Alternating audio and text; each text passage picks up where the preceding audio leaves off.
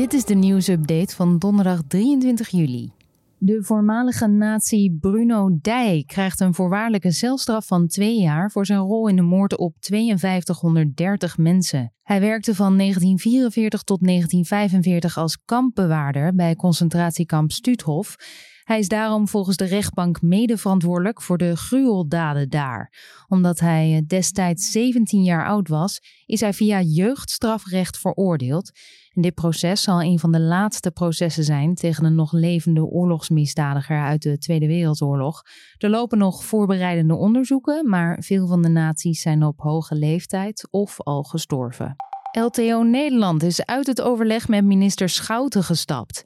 Dat ging over de veevoermaatregel die zij wil invoeren. Die houdt in dat koeien vanaf 1 september voedsel met minder eiwitten moeten krijgen om op die manier de stikstofuitstoot te verminderen. Boeren zijn hier boos om, omdat dit volgens hen slecht is voor de dieren. Daarom wilden ze met Schouten om tafel. Maar de Land- en Tuinbouworganisatie zegt na donderdag dat praten zinloos is, zolang de minister niet kijkt naar alternatieven.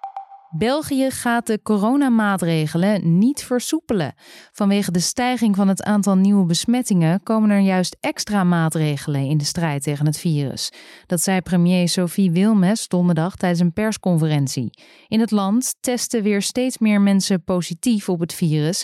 In de eerste week van juli werden dagelijks 80 tot 90 besmettingen gemeld en maandag waren dat er 370. Het dragen van mondkapjes wordt daarom verplicht op plekken waar veel mensen zijn, zoals uh, op straat en in gebouwen die toegankelijk zijn voor publiek.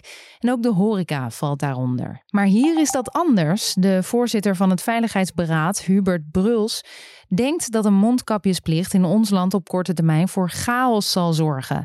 Hiermee reageert hij op de oproep van een aantal burgemeesters. Die willen dat het kabinet de invoering van een mondkapjesplicht gaat onderzoeken.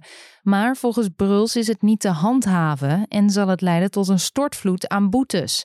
Hij is er niet tegen, maar vindt dat er tijd voor moet worden genomen.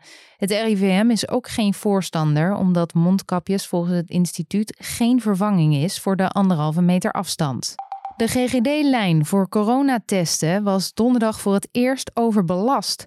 Nederlanders met COVID-achtige klachten kunnen sinds juni het telefoonnummer 0800 1202 bellen voor een afspraak.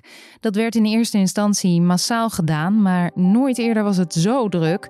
Volgens een woordvoerder zijn sommige bellers zelfs van de lijn gegooid. Die uh, worden geadviseerd het nog eens te proberen en dan het best in de middag. En dit was dan weer de nieuwsupdate.